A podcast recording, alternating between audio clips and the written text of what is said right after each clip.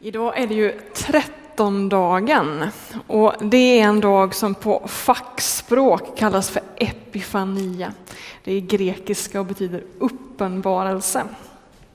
Eh, och det är en högtid som är mycket längre eller äldre än julen. Man, kyrkan firade epifania eh, innan man började fira jul. Och det man firade då det var uppenbarelsen av Guds härlighet. Att eh, Jesu identitet som Guds son blev tydlig och man läste texten om hur Jesus döps, om hur Fadern eh, ropar ut över, över människorna som samlades där.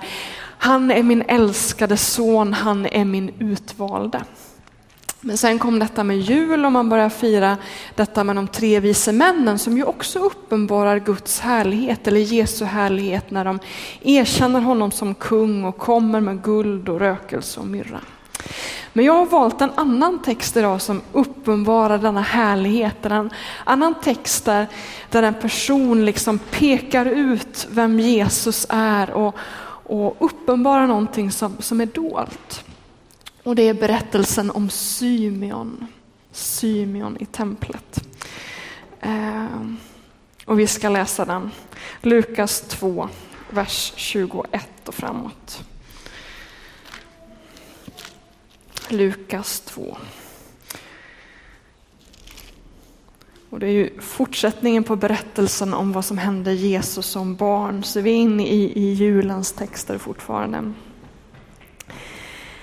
När åtta dagar hade gått och man skulle omskära pojken fick han namnet Jesus. Det som ängeln hade gett honom innan hans mor blev havande. När tiden var inne för deras rening, rening enligt Mose lag tog de honom till Jerusalem för att bära fram honom inför Herren. Det står nämligen i Herrens lag att varje förstfödd av mankön ska helgas åt Herren och för att offra två turturduvor eller två unga duvor så som det står föreskrivet i Herrens lag. I Jerusalem fanns en man vid namn Symeon som var rättfärdig och from och som väntade på Israels tröst. Helig ande var över honom och den helige ande hade uppenbarat för honom att han inte skulle se döden förrän han hade sett Herren Messias. Ledd av anden gick han till templet och när föräldrarna kom in med barnet Jesus för att göra med honom som det är sed enligt lagen tog han honom i famnen och prisade Gud och sa Herre, nu låter du din tjänare gå hem i frid som du har lovat. Ty mina ögon har skådat frälsningen som du har berättat alla folk. Ett ljus med uppenbarelse åt hedningarna och härlighet åt ditt folk Israel. Hans far och mor förundrade sig över vad som sades om honom. Och Symeon välsignade dem och sa till hans mor Maria, detta barn ska bli till fall eller upprättelse för många i Israel och till ett tecken som väcker strid. Ja, också genom din egen själ ska det gå ett svärd för att mångas innersta tankar ska komma i dagen. Där fanns också en kvinna med profetisk gåva, Hanna, Fanuels dotter av Asers stam. Och hon var till åren kommen. Som ung hade hon varit gift i sju år. Sedan hade hon levat som änka och var nu 84 år gammal och hon vek aldrig från templet utan tjänade Gud dag och natt med fasta och bön. Just i den stunden kom hon fram och hon tackade och prisade Gud och talade om barnet för alla som väntade på Jerusalems befrielse. När de hade fullgjort allt som föreskrivits i Herrens lag så återvände de till sin hemstad Nasaret i Galileen. Pojken växte och fylldes av styrka och vishet och Guds välbehag var med honom. Ska vi be. Herre, tack för den här berättelsen. Tack för Symeon och för Hanna som fanns där i templet och som tjänade dig och som lät sig ledas av din ande. Var med i denna stund och uppenbara ditt ord för oss och låt oss få ta emot av dig själv. Amen. Hörs det bra? Ja, bra. Jesu föräldrar var ju goda judar och de följde det som stod i lagen. Eh, allt förstfött som tillhörde Gud skulle man lösa ut på något sätt. Eh, och egentligen skulle man lösa ut ett barn med ett lamm. Men var man fattig kunde man offra två duvor istället och det gör Maria och Josef och på det sättet förstår vi att de var enkla människor, de var fattiga människor, de hade inte råd att göra som man egentligen skulle. Och så kommer de dit till templet. Ehm, och det är ju Jesu första besök i templet och han ser ut som en precis vanlig bebis. Det finns inget speciellt med Maria eller med Josef eller med Jesus. Det ser helt vanligt ut. Det är liksom ingen stjärna som blinkar, det är inga änglar som sjunger, det händer inga konstiga saker alls, utan det ser helt vanligt ut. Och ändå är det någonting Ändå är det någonting som fångar Symeons uppmärksamhet. Och man kan ju fråga sig, vad var det? Vad var det som Symeon såg som ingen annan märkte? Eller Hanna märkte ju detta också. Vad var det Symeon och Hanna såg? Eh, som inte andra såg. Och det är temat för den här predikan, klarsynthet. Vi ska titta på vad Symeon såg, varför han såg det han såg och ska vi fundera på vårt eget seende, vår egen blick. Men först, vad var det Symeon såg som ingen annan såg? Och nu kommer tre punkter. Det är ovanligt för mig, om ni har märkt det, ni som ofta går i Ryttargårdskyrkan. Använder mig sällan av tre punkter. Men här kommer tre punkter. Symeon ser att det här barnet, det är Messias. Och det är, som sagt, det är ingen annan som märker det i, det här, i den här situationen, förutom Hanna. Hon ser att det är Messias.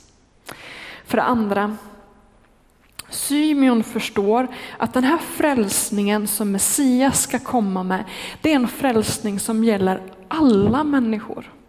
Inte bara judar, inte bara Israel, utan alla människor. Och han säger det i sin, sin profetiska, sina profetiska ord där när han säger ehm, ehm Herre, nu låter du din tjänare gå hem i frid som du har lovat, ty mina ögon har sett frälsningen som du har berättat åt alla folk. Åt alla folk. Och det gör Symeon unik. Apostlarna ledarskapet i den första församlingen, de fattade inte det här förrän i mitten av apostlagärningarna. Då har det gått en tid.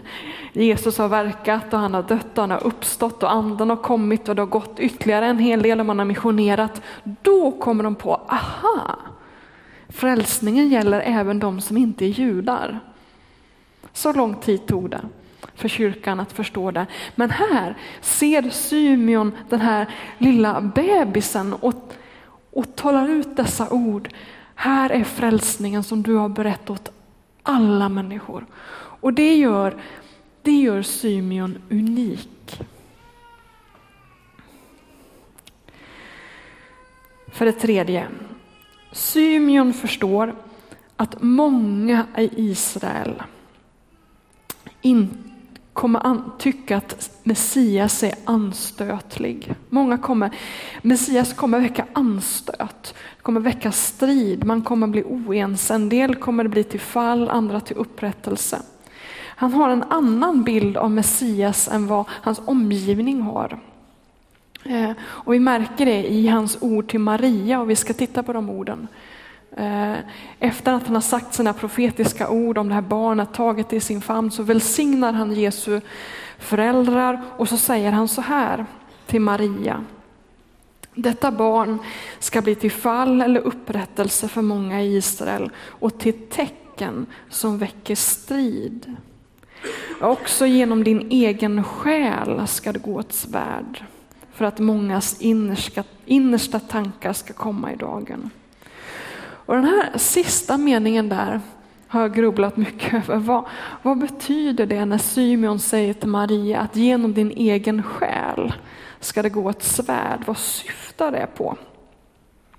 Eh, Syftar det på att Maria själv kommer brottas med det här i sitt eget liv? Att, att hon också kommer tycka att hennes son vandrar en anstötlig väg? Vi kan ju läsa om det i evangelierna att vid ett tillfälle så kommer Jesus, eller Maria med eh, Jesus syskon och så vill de ta hem Jesus för de tycker att han har blivit galen. Jag kan läsa om det i, i eh, Matteus 13 tror jag till exempel. Eh, det är någonting, hon, hon brottas Maria om vem är Jesus? Är det det som det, de här versen åsyftas? Att genom hennes egen själ kommer det gå ett svärd. Hon kommer vara kluven. Vem är Jesus egentligen? Ena stunden är hon glad och tycker det här är fantastiskt, ena gången så, vad är det här? Eller syftar det på det lidande som hon får erfara när hon ser sin son korsfäst? Hon står vid Golgata och ser vad de har gjort med hennes eget barn. Är det det svärdet som åsyftas? Men hur som helst så, så ser Symeon någonting som ingen annan har sett, nämligen att Messias har en korsväg att gå. Att, att Messias inte bara är den här segerrike konungen som bara ska fixa allting, utan att det finns någonting som är anstötligt med Messias.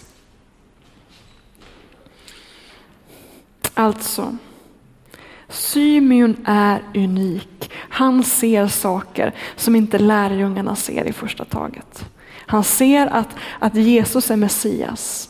Det tog ett bra tag innan lärjungarna kunde förstå det. Han ser att, att den här frälsningen gäller alla människor. Det dröjde massor av år innan lärjungarna förstod det. Och han ser att, att Jesus är någon som, som kommer vara med om lidande och som kommer väcka strid. Och det hade, tog också lång tid innan lärjungarna kunde landa i det. Eh, Symeon är ovanligt klarsynt.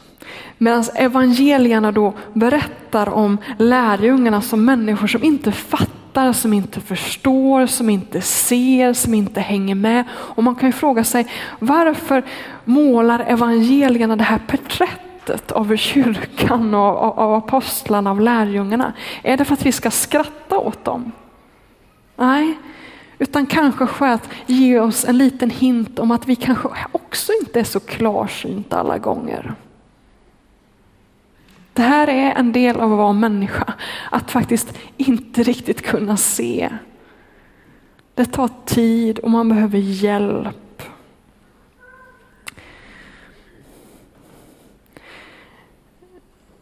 Synden, den grumlar synen. Jag ska återkomma till det i slutet av predikan.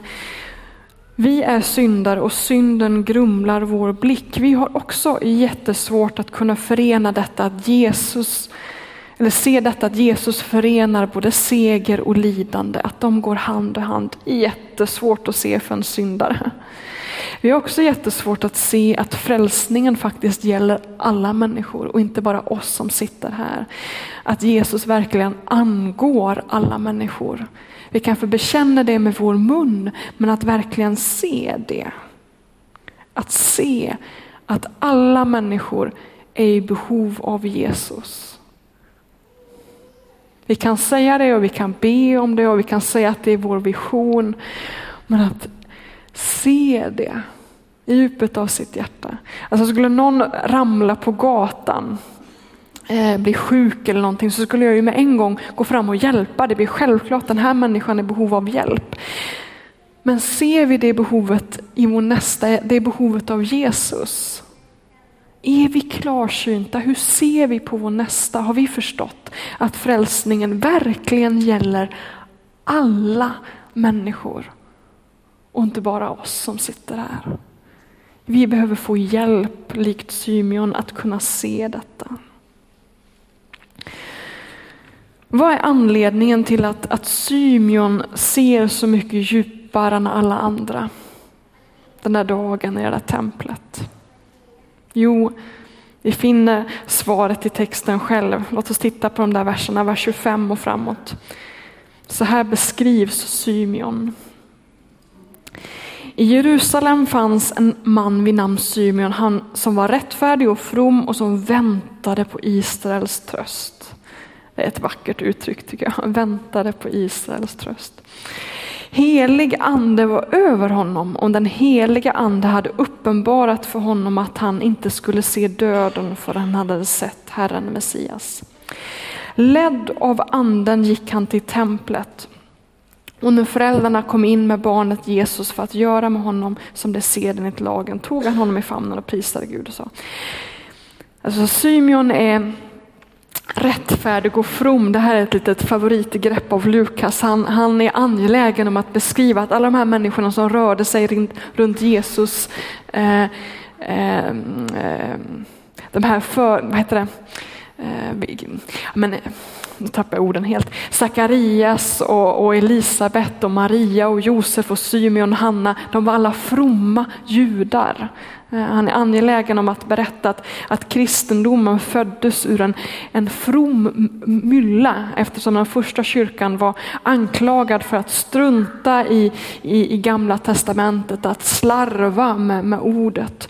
Och han är angelägen, Lukas, om att berätta att de här människorna som, som var med och, och, och beredde rum för Jesus, det var fromma människor. Eh, som satte gamla testamentet högt, som var rättfärdiga. Och den här Symeon han, han, han väntar på Messias. Och den heliga ande hade uppenbarat för honom att han skulle få se Messias innan han skulle dö. Eh, så han går väl kanske och spanar där. Han väntar, han är säker på att han ska få se. Men jag tror inte att det var det som gjorde Symeon klarsynt, för det fanns väldigt många andra som var ganska övertygade om att de skulle få se Messias, att han snart skulle komma och man gick och spanade och man väntade och de såg inte ändå.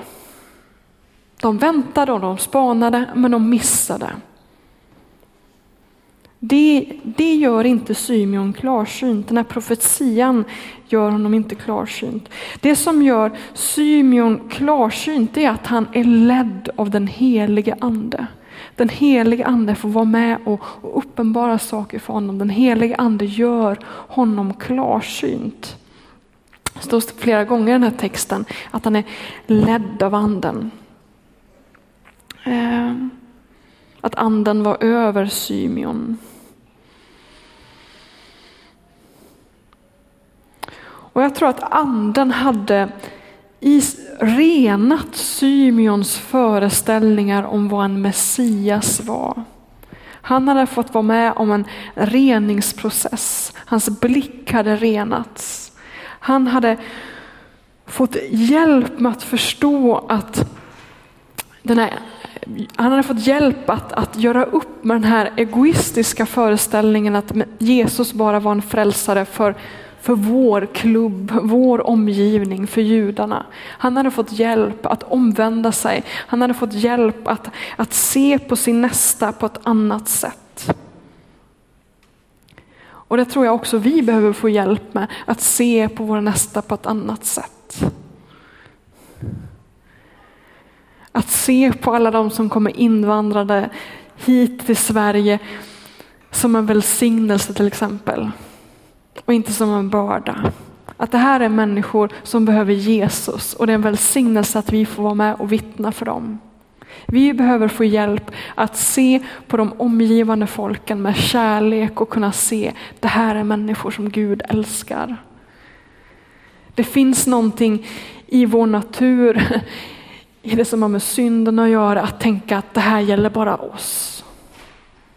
Vi behöver få hjälp av anden att liksom vigda, vigda vyerna, kunna se på, på vår nästa, inte som en fiende utan en, en person som behöver hjälp precis som vi. Vi behöver få hjälp likt Symeon att omvända oss för att få liksom behålla Jesus för oss själva. Att kunna se att Jesus är en frälsare för alla människor. Vi behöver hjälp av anden för att kunna se det.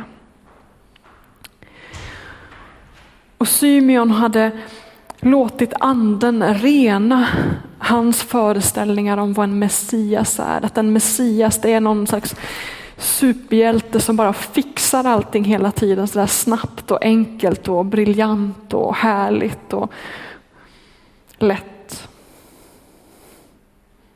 Han hade fått hjälp att kunna se att, att Gud frälser världen genom svaghet. Han hade fått hjälp att kunna se att det som i första hand ser anstötligt ut är något fantastiskt och ljuvligt. Och det är någonting, jag vet inte om ni har märkt, det är någonting som jag hela tiden återkommer till i mina predikningar. Att vi behöver få hjälp av anden att kunna se att Jesus förenar seger och nederlag, lidande och härlighet.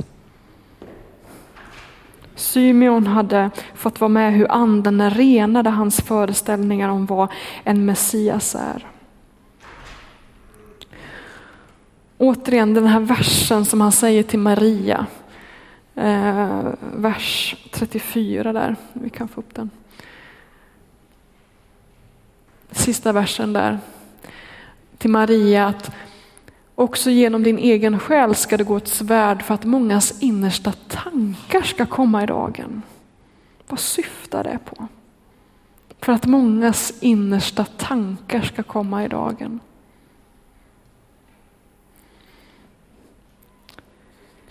Nu kommer en ren spekulation. Kanske hade han själv fått vara med om detta, hur anden uppenbarade hans tankar, vilka tankar han faktiskt behövde omvända sig ifrån.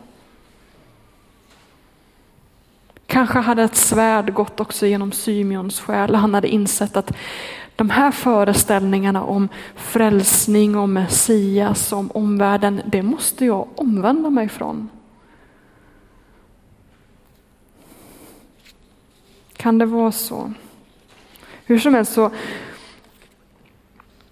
så är det ett faktum, anden kan rena oss från smutsig teologi, dunkel teologi som inte har med Gud att göra. Anden är den som uppenbarar vad som är vår synd och vad vi behöver omvända oss från. Johannes döparen, han sa någonting, eh, vi kan se det i Johannes 1, Eh, kapitel 1. Att han, han berättar om sitt eget liv, att han kom, eh, han säger så här, eh, vers 31. Jag kände honom inte, alltså Jesus, men för att han ska bli sedd av Israel har jag kommit och döper med vatten. Alltså Johannes döparen, omvändelseprofeten, kommer för att Jesus ska bli sedd. Han menar att det krävs rening och omvändelse för att överhuvudtaget kunna se vem Jesus är. Någonting behöver hända med vår blick för att vi ska kunna bli klarsynta och se vem Jesus verkligen är. Därför säger Johannes döparen så, jag har kommit för att han ska bli sedd. Paulus säger i, i Romarbrevet 1, vers 28 att, att synden gör att vi fastnar i, i, i felaktiga tänkesätt som gör att vi inte kan se klart. Det är ett tema i Romarbrevet 1. Synden dunklar vår blick. Det som kan göra oss klarsynta och nyktra och visa och det är anden. Och vi ska titta på ett sista bibelord innan jag säger amen. Och det är från Efesierbrevet 5. Paulus säger så här, och det får bli en uppmaning till oss här just nu. Se alltså noga upp med hur ni lever. Inte som ovisa människor utan som visa. Ta väl vara på den tid som är kvar, ty dagarna är onda. Var därför aldrig oförståndiga, utan sök förstå vad som är Herrens vilja. Berusa er inte med vin, där börjar lastbarheten, utan låt er uppfyllas av anden. Och jag skulle vilja ge det här som en uppmaning för det här året.